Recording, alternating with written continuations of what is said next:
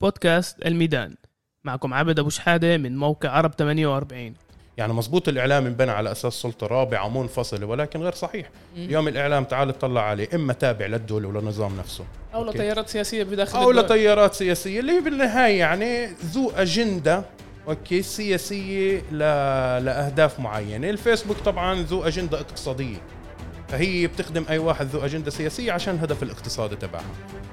أي حالة بتصير في بالنهاية في مجتمع مدني اللي لازم هو يشكل حالة ضغط مم. النظام الاقتصادي لازم إذا بدك تنهي أنت ال fake news لازم يتغير في عالم الإعلام تحياتي لجميع المستمعين لكمان حلقة من بودكاست الميدان. معكم عابد أبو شحادة من موقع عرب 48 هاي الحلقة سجلتها مع مدير المونتاج من موقع مسبار عوني بنا. والمحاور فيها ركزت على كل موضوع ال fake news كيف بيشتغل مين استخدمه مين هاي كامبريدج أناليتيكا فيسبوك لوين رايحة deep fake. وطبعا على شركة مسبار وزي دايما ما تنسوش تتابعونا عبر تطبيقات البودكاست المختلفة. بين إذا بتسمعونا عن طريق سبوتيفاي بودبين جوجل كاست أبل كاست إيش ما مريح إلكم. وبكل سرور إذا في أي ملاحظة أو أي فكرة أو أي اقتراح ممكن تتواصلوا معنا عبر البريد الإلكتروني. اليوم ب- بهاي الحلقة نركز على مصطلح اللي بيجوز نسمعه أكتر الفترة الأخيرة بس كيف ما عوني رح يشرح لنا اليوم. ودائما كان موجود موضوع الأخبار الكاذبة الموجودة على مواقع التواصل الاجتماعي بشكل عام بالإعلام. معنا اليوم عوني بنا مدير شركة مسبار بتتخصص بفحص معلومات على الشبكات بالذات بالعالم العربي. عوني اولا شكرا إنه أنت موجود شكرا إنه أنت هين بحب أبلش معك نفهم إيش هو فيك نيوز وليش هذا المصطلح صار هالقد دارج بعالم الإعلام.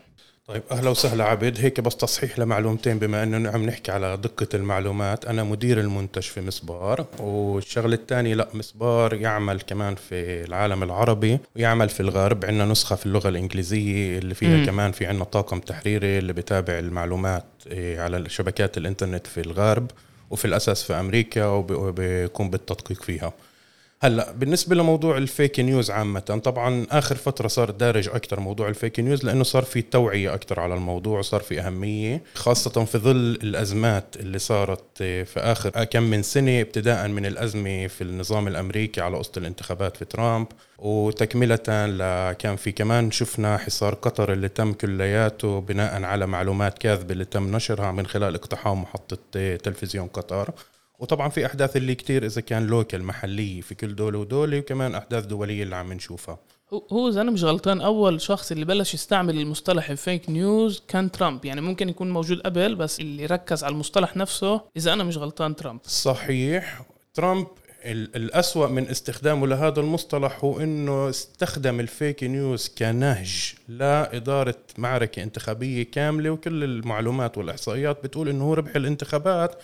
نتيجة لل fake news اللي تم نشره في شكل دقيق. كمان لازم نفوت على هذا الموضوع بنحكي عنه لاحقا على قضية ترامب وكامبريدج أناليتيكا والذكاء الاصطناعي اللي استعملوه هناك واللي ساعدهم في بناء segmentation للشخصيات والأشخاص اللي موجودين في أمريكا وكيفية التأثير عليهم في campaign negative اللي انبنى. ولكن أنا كنت بحب أبدأ في الحديث عن ال fake news ك كخطر. يعني اليوم لأنه إحنا عم نعيش عصر الوباءات فاهون مثال نحكي عن الكورونا وأنا برأيي هي أخطر من الكورونا. الكورونا بالنهاية هي بتنتقل اليوم قدرة الأنظمة كلياتها وال- والعلم كلياته في إنه يخففوا انتقالها من شخص لشخص من خلال الحجر الصحي. fake news أنت ما بتقدر توقفه خاصة في ظل ال social media اللي موجود اليوم اللي بكل سهولة حدا بحط معلومة معينة بتم مشاركتها عن طريق الآلاف توصل لمئات الآلاف في خلال دقائق. هذا ما فيك أنت توقفه. من ناحية تانية ال- ال- الناس اللي في potential إنهم يتضرروا في الكورونا نفسها إيه، هذا العدد محدود جدا لهن الناس اللي عندهم ضعف صحي معين. ولكن ال fake news تؤثر كل الناس.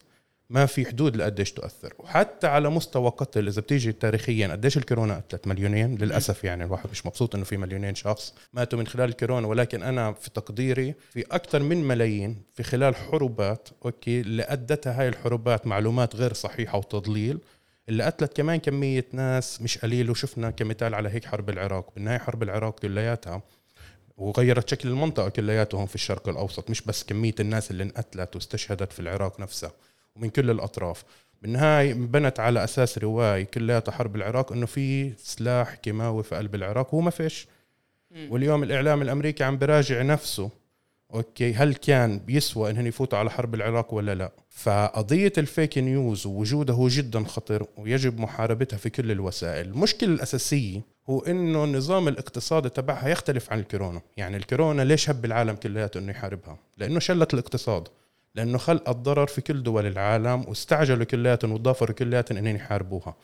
ولكن الفيك نيوز في قلب الإعلام يستغل لأجل وصول إلى غايات وأهداف.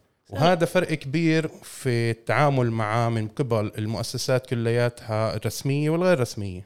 والحكومات في الأساس. وعشان هيك كمان بنشوف إحنا دروج ال fake news في الدول العالم الثالث اللي فيها حكومات أنظمة ديكتاتورية أكثر هي أعلى في كتير وحتى محاولة محاربتها هي أقل كتير يعني كمثال على هيك مثلا.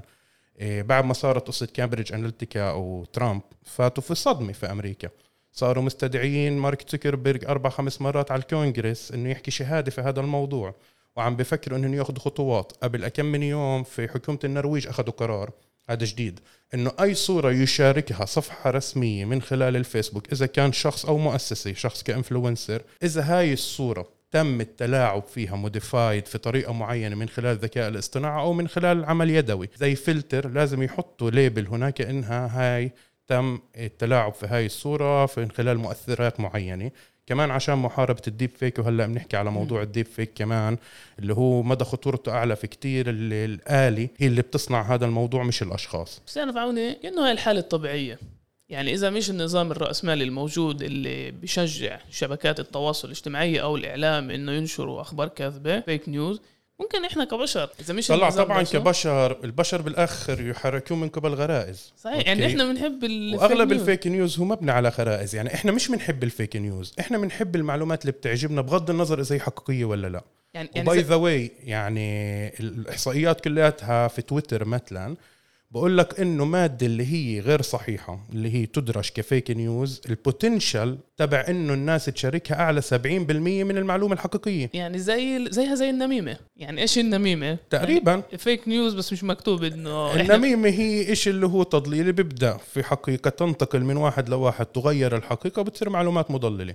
ونفس الشيء بنيوية ال fake news وهذا جزء من ال news نفسه يعني هو لا لا يختلف. انت في النهاية تعال تطلع عليها. المعلومة نفسها ك item تيجي انت كل الإعلام الدولي الإعلام في كل دول العالم كل واحد بغطيه في طريقة معينة أوكي بناء على الانحياز نفسه للمالك تبع المؤسسة الصحفية أو للحكومة اللي بتشتغل فيها. يعني روسيا تي في اللي تابع للحكومة الروسية بغطيش المعلومة زي السي إن إن اللي بالآخر في عنده أجندة قومية وأمن قومي لأمريكا.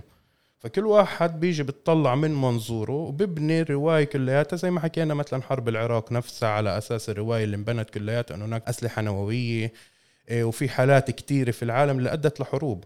وإحنا طبعا كمان بنشوف في ظل الأزمات الفيك نيوز بكتر يعني كمثال كمان على موضوع الكورونا. موضوع الكورونا في مسبار مثلا تم تغطية 700 كذبة في خلال ثلاثة أشهر تم رصدها.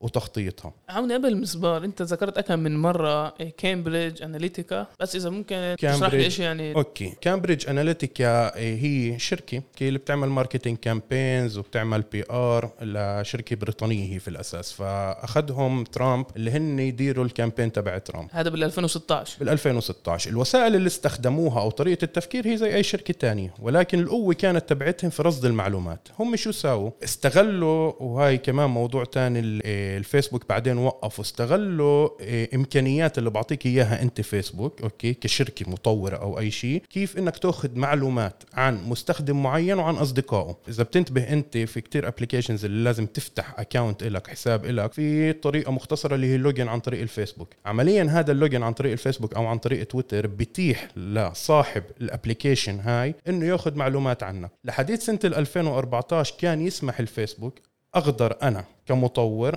أسحب كل المعلومات شو يعني كل المعلومات؟ معلومات البيسك اللي هي منشورة عندك في قلب الحساب زائد البوستات كلياتها اللي أنت المنشورات كلياتها اللي أنت كنت عاملها تاريخيا إضافة على هيك كل المنشورات تبعت كل الأصدقاء تعينك. يعني إذا عندك 500 صديق في قلب الفيسبوك أنا كان يتيح لي إنه آخذ كل البوستات تاعيتك والمعلومات تاعيتك وكل المعلومات تبعت ال 500 شخص.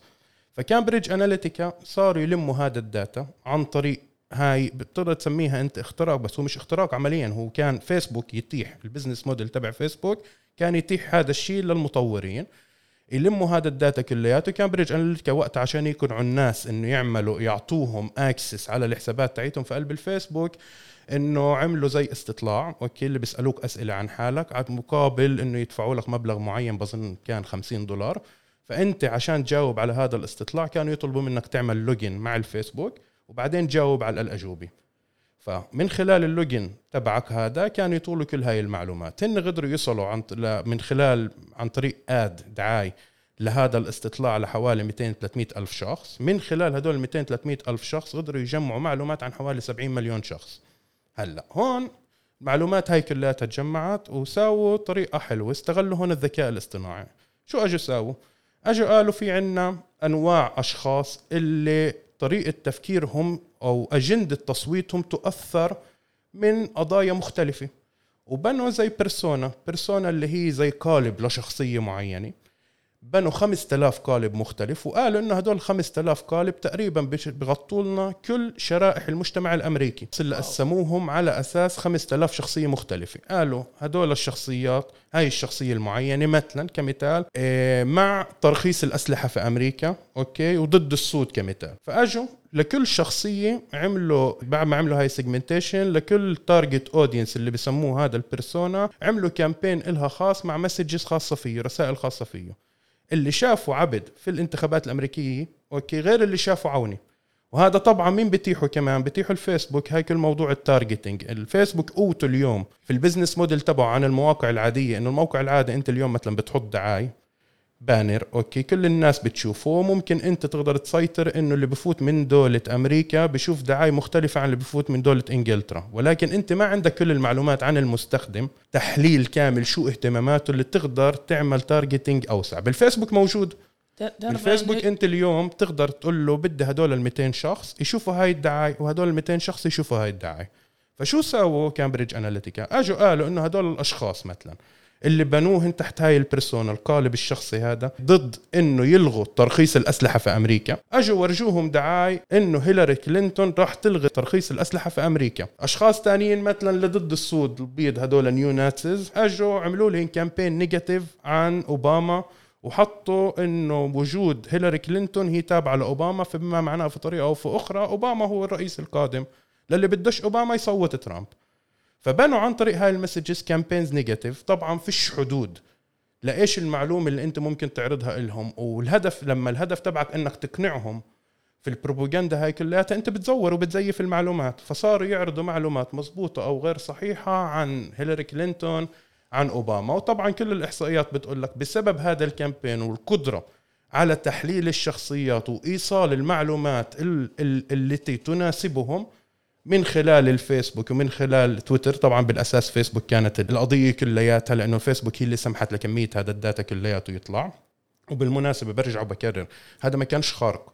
يعني مش إنه كان هون في إيه، سايبر معين سووه شركة كامبريدج اناليتيكا هذا كان كله بسمحوا فيسبوك. إطار القانون في إطار القانون في إطار اللي ماضي عليه المستخدم. عشان هيك كمان في نقاش طويل عريض على ال terms of use وال privacy policy لما أنت تفوت على أي موقع أنت هدول لازم تصادق عليهم هلأ كل المواقع بحطوا لك إياهن ك button هيك كبسة تكبس عليهم بضلك فايت. أقل من 1% من الناس اللي بيروحوا بيفحصوا شو هي ال terms of use ل service معين قبل ما يفوتوا عليه يعني قليل الناس مستعدة تقرأ. هلا أربع صفحات اي أربع هاي كلياتها المعلومات موجودة وهذا اللي بيحمي حاله مارك زوكربيرج فيها. بيجي بوقف قبال الكونغرس بقول إحنا قلنا وإحنا مع إنه نحارب ولكن إيه، الناس وافقت على هذا الموضوع. هذا الادعاء تبعه. هلا طبعا لأنه كل النظام الاقتصادي تبع الإعلام إذا كان في ال social media أو يعني بسموها صحافة مستقلة بس أنا بآمنش إنه في صحافة مستقلة لأنه كل صحيفة في من وراها أجندة والأجندة بتخلق انحياز اعلامي والانحياز الإعلامي بيؤدي في كتير حالات وفي في معظم الحالات إنه يعرض الحقيقة كيف هو بشوفها فبالتالي تضلل الحقيقة. ال business model تبعهم إنه في مالك المالك هذا في عنده الأجندة إذا كانت اقتصادية أو إذا كانت أجندة سياسية. وفي عندك المستخدم من ناحية تانية اللي هو ال business model آه، تبعهم مبني مش على أساس انهم يبيعوا شيء زي مواقع ال e-commerce اللي بنعرفها زي أمازون إنما ببيعوا دعايات. فهاي الدعايات كلياتها عشان يقدروا انهن يلائموا دعايات للمستخدمين ببيعوا معلومات عن المستخدمين. وهذا اللي استغلته بالنهاية كامبريدج اناليتيكا وهاي الوضعية اليوم. يعني إحنا لما نقارن عبد ليش أنا بقول أخطر من وباء الكورونا؟ لأنه المنظومة النظام الاقتصادي في العالم تضرر من وباء الكورونا ولكن النظام الاقتصادي تبع الإعلام ربحان من الفيك نيوز. هون الإشي الإضافي بخوف أكثر من ال fake news نفسه. هو إنه إنه إنه مش بس في fake news إنه في استخدام لاستراتيجيات اللي جاية من عالم الاقتصاد. كل ما يتعلق على المعلومات المتاحة بالفيسبوك إنستغرام تويتر ودمجها بالحالة السياسية اللي إحنا عايشين فيها. مش مهم أي دولة بالعالم. خذ مثلا اللي أنت ذكرته بفيسبوك على سبيل المثال.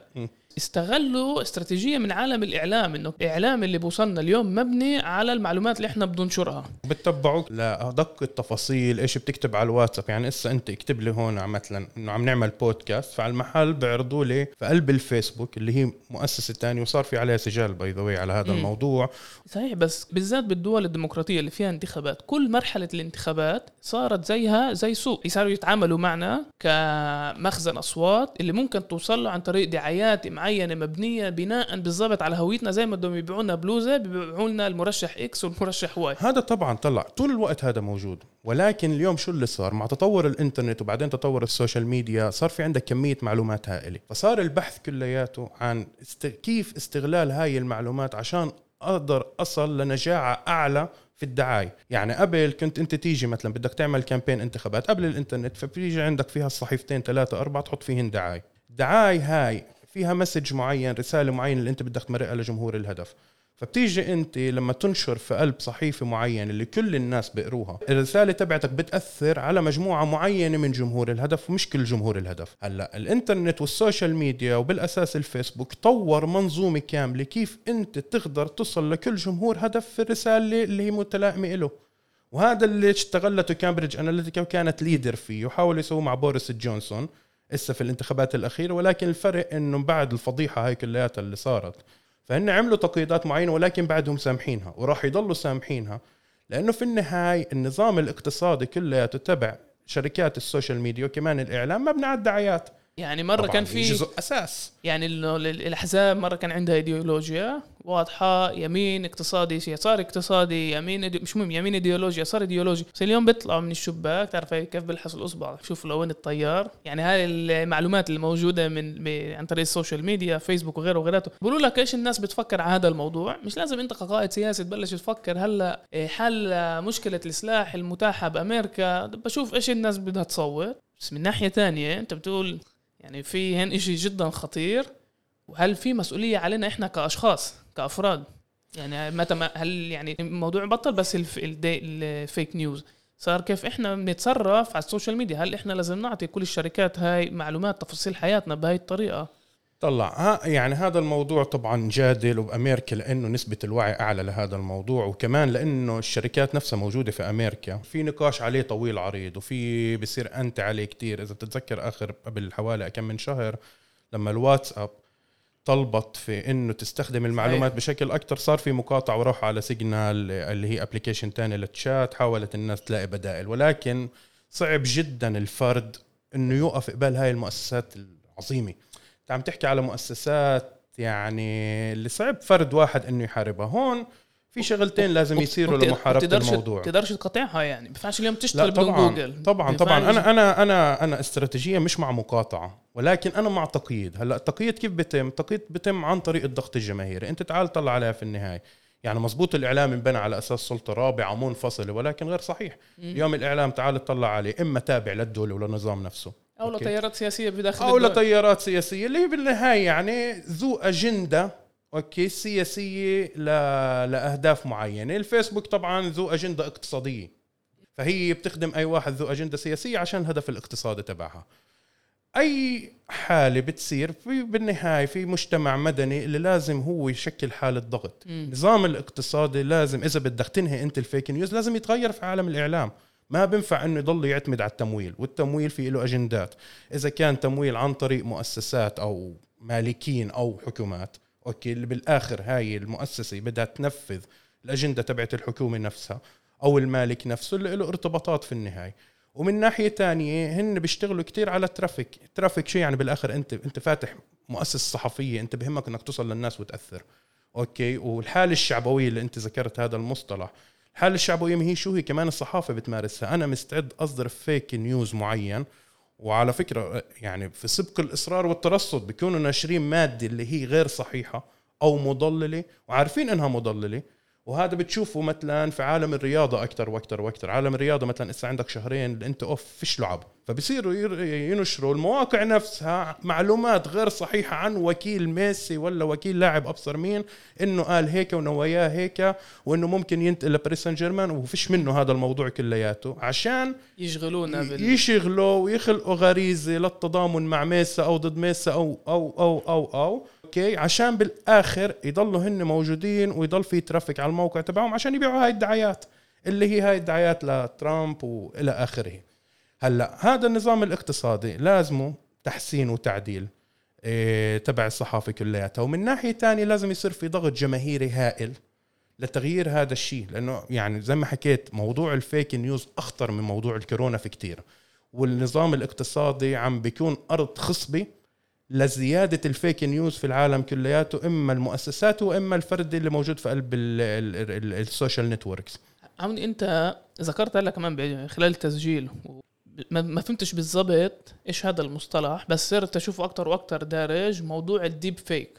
أنت منزل توصف حالة بنيوية خطيرة بسبب النظام الاقتصادي اللي إحنا عايشين فيه. ومن ناحية تانية كمان نازلين نشوف تطور كل الأخبار الكاذبة عن طريق الأدوات التكنولوجية. طيب موضوع ال deep fake هو موضوع يعني يندرج في ال fake news في نفس المجال ولكن موضوعه آخر وأنا برأيي خطورته راح تكون في في المدى القريب علينا هلأ. وهلأ بشرح ليش. أخطر بكتير من ال fake news العادي. deep fake آه، هو عمليا الزيف العميق. الزيف العميق هو إنك تيجي تأخذ مثلا صورة هلأ لإلك لعبد أحط جنبك أوباما عم بحكي. عن طريق technology معينة مبنية على الذكاء الاصطناعي تيجي تحرك وجه عبد وملامح وجه عبد زي كيف بتحرك أوباما. وشفنا فيديوهات لأوباما مزيفة مش موجودة. هذا بتسمى ال deep fake ال deep fake هي مبنية كلياتها على التكنولوجيا اسمها ال GAN هاي ال GAN عم تتطور بشكل رهيب وإمكانياتها رهيبة جدا. GAN اليوم هي technology في الذكاء الاصطناعي. اليوم بتقدر تساوي هذا فيديو ال deep fake بتقدر تسوي لك منظر شخص تخلق منظر شخص غير موجود. إسا تعال على technology تبعت ال GAN قولها بدي منظر ألف شخص. هي بتخلق لك إياها من الصفر من scratch لمناظر ناس بتبين طبيعية مية بالمية ما بتشكش أنت للحظة إنه هاي مزورة. بتقول لك هاي صورهم. تقدر تخلق لك عن طريق ال text تقدر تكتب له text لل GAN تقول له بدي أشوف عصفور أحمر. ترسم لك عصفور أحمر غير موجود. مش إنه يعني هي فهمت عليك إنك بدك عصفور أحمر وراحت جابت لك صورة عصفور أحمر حقيقي. تبنيه من scratch بتقدر تفوت لها رسمي رسمي رسمي أنت ترسمها في إيدك وقول لها حول لي إياها لصورة حقيقية. بتحول لك إياها لصورة حقيقية. مش ممكن تشك للحظة. العين المجردة مش مم. ممكن تشك للحظة انه هاي مزورة. فهذا موضوع ال technology تبعت GAN وطبعا في models تانية اللي عم بحاولوا يطوروها ودائما هذا العالم بتطور كلياته. في تسارع رهيب. عم بيطلع من عالم الاكاديميا وعم بيصير accessible للناس كلياتها. وعم نشوف في آخر فترة كمان في applications كاملة اللي عم بتكون على الموبايل تبعك. يعني قبل كانت ال resources تكلفة هاي التكنولوجيا واستخدامها غالية جدا. اليوم لأنه كمان عالم الموبايل تطور كلياته ال devices صار فيها processors أقوى فصارت تستحمل إنه يكون في تقنيات إنها تشغلها على ال- ال device نفسه أسرع. فصرنا نشوف applications مثلا في application طلعت قبل حوالي سنة اسمها Face Swap okay؟ أو Swap Face ناسي بس هي بتعمل face swapping مبنية كمان على تكنولوجيا كانت كمان. بال بال social media بالإنستغرام آه, آه لا وما زالت. حتى- بخلال ست أشهر كان عليها فوق ال 70 مليون download. شيء رهيب يعني أعداد رهيبة رهيبة جدا وكلياته organic الناس راح تدور عليها. اللي فيها انت بتطور حالك صورة بتختار فيديو لممثل من مقطع بتختار فيديو لممثل من مقطع حقيقي وانت آه، بتفوت وجهك محل هذا الممثل. أوكي؟ طبعا يعني دقتها مش أعلى إشي بس طبعا مع الوقت راح تصير دقتها أعلى وأعلى وأعلى. هدول الموبايل applications هن regulated يعني مفحوصات من خلال الستور لما تيجي ترفعهم إنه ما بيساووا مشاكل. ولكن في استخدام لهي التكنولوجيا جدا سيء. يعني شفنا في حالات انتحار صارت في الهند من صبايا اللي ركبوا وجه صبية على مقطع porn كامل وانتشر عن طريق الواتساب. ولا فيعني خطورتها فيش حدود. طول ما كل ما عم بتصير هاي ال technology accessible أكثر طبعا طبع البشر إنه يتعاملوا مر... يستعملوا مرات تكنولوجي جديدة بدل ما تكون لاهداف سامية. وإيجابية يستعملوها لأهداف سلبية. بتعرف عوني يعني في استخدامنا لفيك نيوز بركز على الحالة العامة الحالة الاجتماعية إذا في انتخابات إذا كذبوا الانتخابات أو لا. بس مرات في الأشياء الصغيرة بالحياة اليومية البني آدمين يركبوا صورة يعني صورة صبية على شي فيلم وروح اثبت ويعني مش هالشيء هالمهم لكل الناس بس لإلها لهي الصبية اللي ركبوا وجهها على الفيلم هاي كارثة. وفيش يعني تفكر كمان على regulation كيف ممكن تتابع كل الحالات هاي؟ يعني الدولة زي الهند مليارد بني آدم تمام؟ بس يعني حوالينا. إنه بيزعزع البنية الاجتماعية للبشر طبعا. مش بس لا مش بس بالإعلام مش بس أخبار كاذبة. بيساهم جدا عبد في موضوع ال shaming وال bullying. وعلى فكرة كمان في applications اللي ما لهنش علاقة في ال fake news عينيا إنما في كل موضوع ال anonymous. إذا بتتذكر هاي كان في application اسمها Secret صحيح صحيح. بعدين كان في كمان application اللي شرتها فيسبوك اللي عمليا مبنية كلياتها عن عدم وجود شخص. يعني anonymous يعني انت بتفوت تفتح account انت بتحطش مين انت الشخص نفسه. هون يعني الأرض جدا خصبة إنك تيجي تحرض أو تنشر معلومات كاذبة عن أشخاص تانيين. وأدت لحالات انتحار. في الهند صار في حالة انتحار أكثر من حالة انتحار على هذا الموضوع ال shaming وال bullying عن طريق استخدام تقنيات اللي زي ال deep fake اللي يركبوا صور على اجسام والى آخره. فإحنا عم نحاول نطور ونعمل combination شيء hybrid ما بين ال technology والعمل ال manual اللي نطور وسائل وآليات إنه نساعد الناس إيه، كيف إنها تقدر هي بنفسها تحارب ويكون في عندها وسائل اللي تكتشف الزيف وين ممكن يكون موجود. فإحنا بنشوف في مسبار كإشي استراتيجي في عنا عمل على عدة نقاط. أولا زي ما حكيت أنا موضوع الضغط الجماهيري. هذا الضغط الجماهيري من خلال عمل مؤسسات بالتضافر مع مؤسسات أخرى عم تشتغل في هذا الموضوع للضغط على أنظمة وعلى الشركات والمؤسسات نفسها والمؤسسات الصحفية كيف إنها تحد من ال fake news وكيفية فضح هذا الموضوع. لأنه في النهاية لكل مؤسسة صحفية في reputation في سمعة. مم. هي بتهمها سمعتها. وأنتم عالميا بتصنفوا يعني بين المؤسسات المؤسسات الإعلامية وسمعتها. يعني صحيح. هذا هذا مشروع رهيب عم نفوت عليه. لسه كمان بحكي لك على تفاصيله. إيه فموضوع الضغط الجماهيري. الشغلة الثانية هي موضوع التفكير النقدي توعية الناس.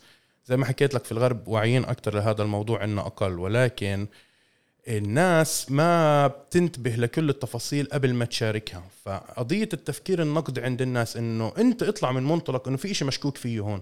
والشغلة الثالثة اللي عم بقوم فيها مسبار كمان على مستوى استراتيجي بعيد الأمد هي توفير كمان وسائل لكيفية الفحص إذا كان لل deep fake وإذا كان للمصادر نفسها اللي عم تنشر. هلأ برجع لنقطتك اللي هي جدا مهمة. إحنا في مسبار جينا قلنا شغلة اللي هي أساسية. موضوع العامل الزمني هو جدا مهم أوكي؟ وعم نفشل في محاربة ال fake news أثر ال fake news. أوكي عم ننجح في محاربة ال fake news ولكن عم نفشل في أثر في محاربة أثرها لأنه already لما انتشرت صارت مأثرة. الفكرة نفسها إنه كيف ممكن نلغي العامل الزمني. هذا طورنا إحنا منظومة اللي لما نيجي نرصد إحنا أي نشر ل fake news نرصد كمان مين اللي ناشر ال fake news كمصدر وعندنا في system اللي هو ذكي جدا بيجمع هذا الرصد كلياته وبنعمل زي ranking للمواقع اللي إحنا بنوصل لمرحلة مثلا أنت اليوم جيت شفت خبر من مؤسسة X اللي ناشرته أنت ما بتعرف المؤسسة كفايه فبتقدر تفوت على مسبار تدور على المؤسسة نفسها اللي اسمها X أوكي؟ اللي تيجي أنت تشوف ranking للمؤسسة شو بتاريخها ناشرة fake news اللي بتاخذ أنت انطباع على مستوى المصداقية تبعها. فإحنا بتم عندنا عملية التصنيف للمصدر نفسه اللي انت بعد مرحلة معينة بتصير تاخذ مسبار كمرجعية للمصادر نفسها لما تشوف أي مادة من أي مصدر تيجي تفحص شو مصداقية مستوى مصداقية المصدر وبناء عليه تتصرف. هلأ طبعا مصدر اللي مستوى مصداقيته عالية مستوى مصداقيته عالي لأنه بنشرش fake news تاريخيا ما كانش ينشر fake news المنهجية اللي بتبعها صحفيا. ما بتساعد أي ما ما بتبع قضيه إيه، نشر ال fake news وعنده ضوابط صحفية. اللي بنشر كتير fake news فتوقع إنه في أي مادة ممكن تكون fake news لأنه هدفه إنه يحرك غرائز الناس. فهلأ هذا كلياته يعني قيد التطوير تقريبا جاهز رح يطلع على الهواء من هون لسنة آخر سنة 2021 وراح يكون مرجعية للاكاديميا للصحفيين لأي شخص اللي بده يتحقق ويتدقق من مس- مستوى مصداقية مصدر معين صحفي. حاولني أنت تحكي هلا فتت على الموقع لمسبار. أول شيء الموقع بجنن وجدا سهل الاستخدام. نزلت لتحت شفت كمان إنه في عندك أسامي مواقع reputation عندها مش أحسن شيء طبعا يعني كمثال ترى تلاقي اليوم السابع اليوم مثلا اللي هو السابع، موقع آه. مصري. أوكي فيش في- يعني بتصل لمرحلة فيش ضوابط صحفية. طب ممكن موقع مؤسسة صحفية طويلة عريضة تنشر 50 مادة كاذبة في خلال سنة؟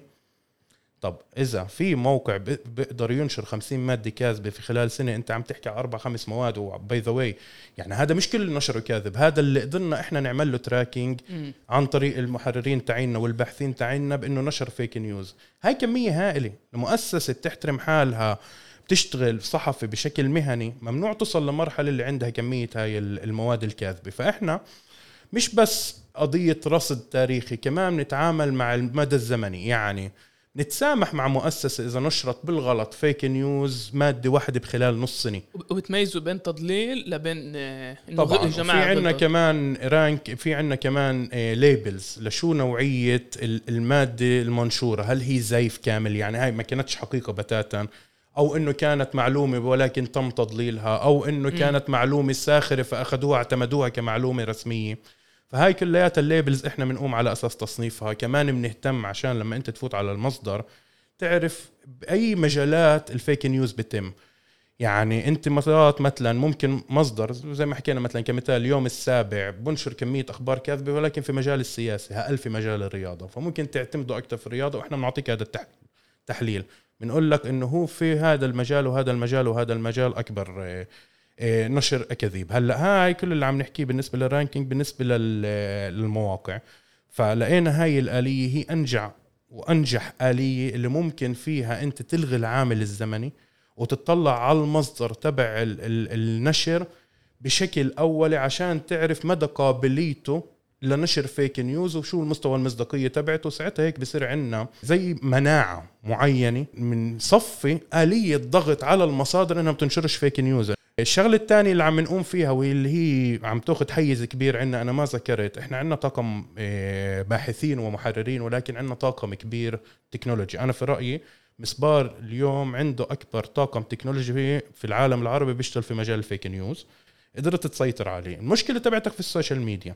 وهناك الذكاء الاصطناعي هو عنوان المرحلة لأنه كمية ال data هائل ما في باحثين اللي يقدروا يستوعبوا كل هاي الكمية تبعت ال data ويعملوا لها analysis وهناك بدنا نعول أكثر على الذكاء الاصطناعي. هلا الذكاء الاصطناعي عم بتطور من سنة لسنة. اللي عم بيقوموا فيه هي أكثر طواقم بحثية تابعة لجامعات ممولة من قبل الجامعات نفسها مش شركات مختصة لأنه فيش زي ما حكينا في الموضوع الإعلام بالآخر في business model هون ما فيش حدا اللي يجي يمول business model فبتيجي هي أكثر تمويل جامعات اللي عم بيشتغلوا على الموضوع. مشكلة تبعت ال fake news في ال machine learning والذكاء الاصطناعي إنه لا يحتمل ال prediction ما هو اليوم الذكاء الاصطناعي كلياته مبني على أساس machine learning اللي تيجي تعطيك قرار أو جواب أو recommendation حتى مش جواب أو قرار بناء على إيه، نسبة دقة. أوكي؟ فعشان هيك إذا بتيجي بتطلع أنت دائما في prediction دائما في أخطاء. حتى تسلا اللي عم بتساوي السيارة ال autonomic اللي بدها تمشي في الشوارع لليوم بعدهم بيعملوا testing عليها.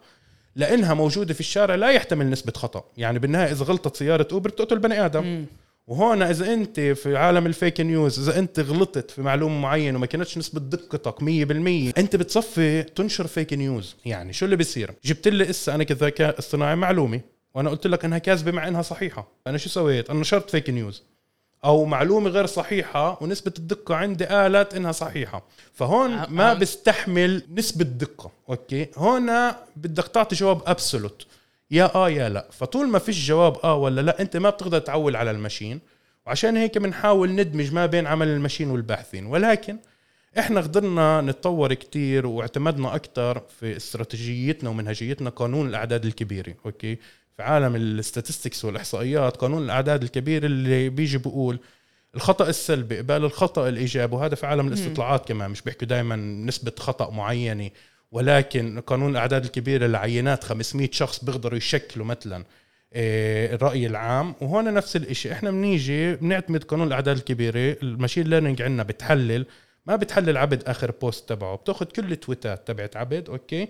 وبتيجي ال 500 ألف tweet وبتيجي بتعطيهم تحليل. ممكن تخطئ سلبا وممكن تخطئ ايجابا ولكن ايمانا إنه نسبة الدقة السلبية قبال الإيجابية ممكن تلغي بعض فممكن تصل لنسبة دقة أعلى. وهذا اللي عم نحاول نسويه وفي عندنا منتج اللي كمان راح يطلع في أول أوائل العام القادم اللي هو profiling system اللي أنت تيجي تحط link لل account تبعك في تويتر ويعطيك مستوى مصداقية اللي أنت فيها. طبعا يعني بنرجع وبشدد ووقتها راح يتشدد لما نطلع فيه إنه أكثر تجريبي هذا الشيء لا يمكن اعتماده في شكل رسمي. عوني واو. اولا يعني أنا تعلمت منك شغلتين. قديش التكنولوجيا الموجودة اليوم مع النظام الراسمالي اللي إحنا عايشين فيه يعني بنية المجتمع كمجتمع مش مهم وين مش مهم أي أي دولة أي أو أي شعب. موجودين بخطر. خطر حقيقي يعني التكنولوجيا نازلة تسابق البني آدمين. بس من ناحية تانية كمان بتم... نوعا ما بتطمئن إنه في شركات زي مسبار اللي فاهمين خطورة الموضوع مغيب تماما بالخطاب السياسي. يعني أنا اللي بيتابع شوي الأخبار الأمريكانية بالذات اللي صار مع مارك زوكربيرج الفترة الأخيرة بيشوف إنه في بكتير أكتر وعي من إيش موجود عندنا. ومن ناحية ثانية عاوني الشغله الثانية اللي أخذتها منك إنه في كمان مسؤولية علينا إحنا كأفراد كيف بننشر معلومات عن حالنا عن طريق ال social media إنه نكون شوي أكتر حذرين. كمان هاي اولا. صحيح. كمان على المسؤولية. إنه في علينا إحنا كمان مسؤولية بكيف نتصرف مع المعلومات. عوني عن جد بالتوفيق بالموقع. للي سامع البودكاست يفوت على مزبار عن طريق جوجل. جدا سهل الاستخدام وبرأيي كمان هاي المرحلة الجاية اللي إحنا فايتين فايتين عليها. إنه هي التكنولوجيا سبقتنا بس من ناحيه ثانية لازم نستغل التكنولوجيا كمان عشان نحافظ على نحافظ على حالنا نحافظ على كيف كيفية المعلومات اللي بننشرها واللي بتوصلنا. طبعا وأنا بس بحب أذكر آخر شيء إنه زي ما أنت تفضلت الالف باء تبع محاربة ال fake news وخاصة في حالتنا اللي ما فيش تجاوب ما زال من الأنظمة بأنها تعمل تقييدات للمؤسسات إذا كانت صحفية أو شركات ال social media. في ضبط هذا الموضوع تعتمد علينا.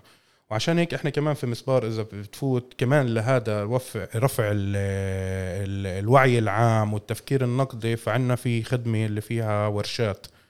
إحنا كمان طواقم مسبار مستعدين إنه يمرقوا ورشات تدريب لمجموعات إذا كان طلاب حتى من طلاب في ورشات لطلاب مدارس في ورشات لطلاب جامعات وفي ورشات لإعلاميين كيفية التقصي من المعلومات.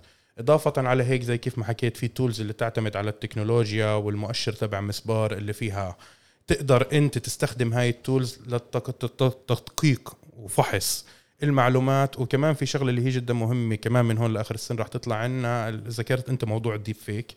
إحنا طورنا algorithms أوكي machine learning لل deep fake عشان نطور ولا لسه عم نطورهن لكيفية كشف الفيديوهات والصور المزورة والمزيفة. فأنت بمرحلة معينة رح تقدر ترفع صورة.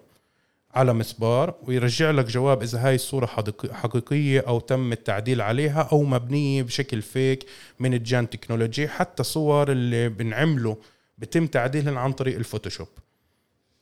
عوني جد شكرا. رح نخلي رابط بالتفاصيل الحلقة على موقع مسبار. هاي كمان كمان حلقة من بودكاست الميدان عبر موقع عرب 48 طبعا إذا في أي ملاحظات إذا إحنا كمان غلطنا بنغلط كمان مرات. تواصلوا معنا عن طريق ال mail المرفق بتفاصيل الحلقة. وتنسوش تتابعونا عن طريق تطبيقات البودكاست المختلفة.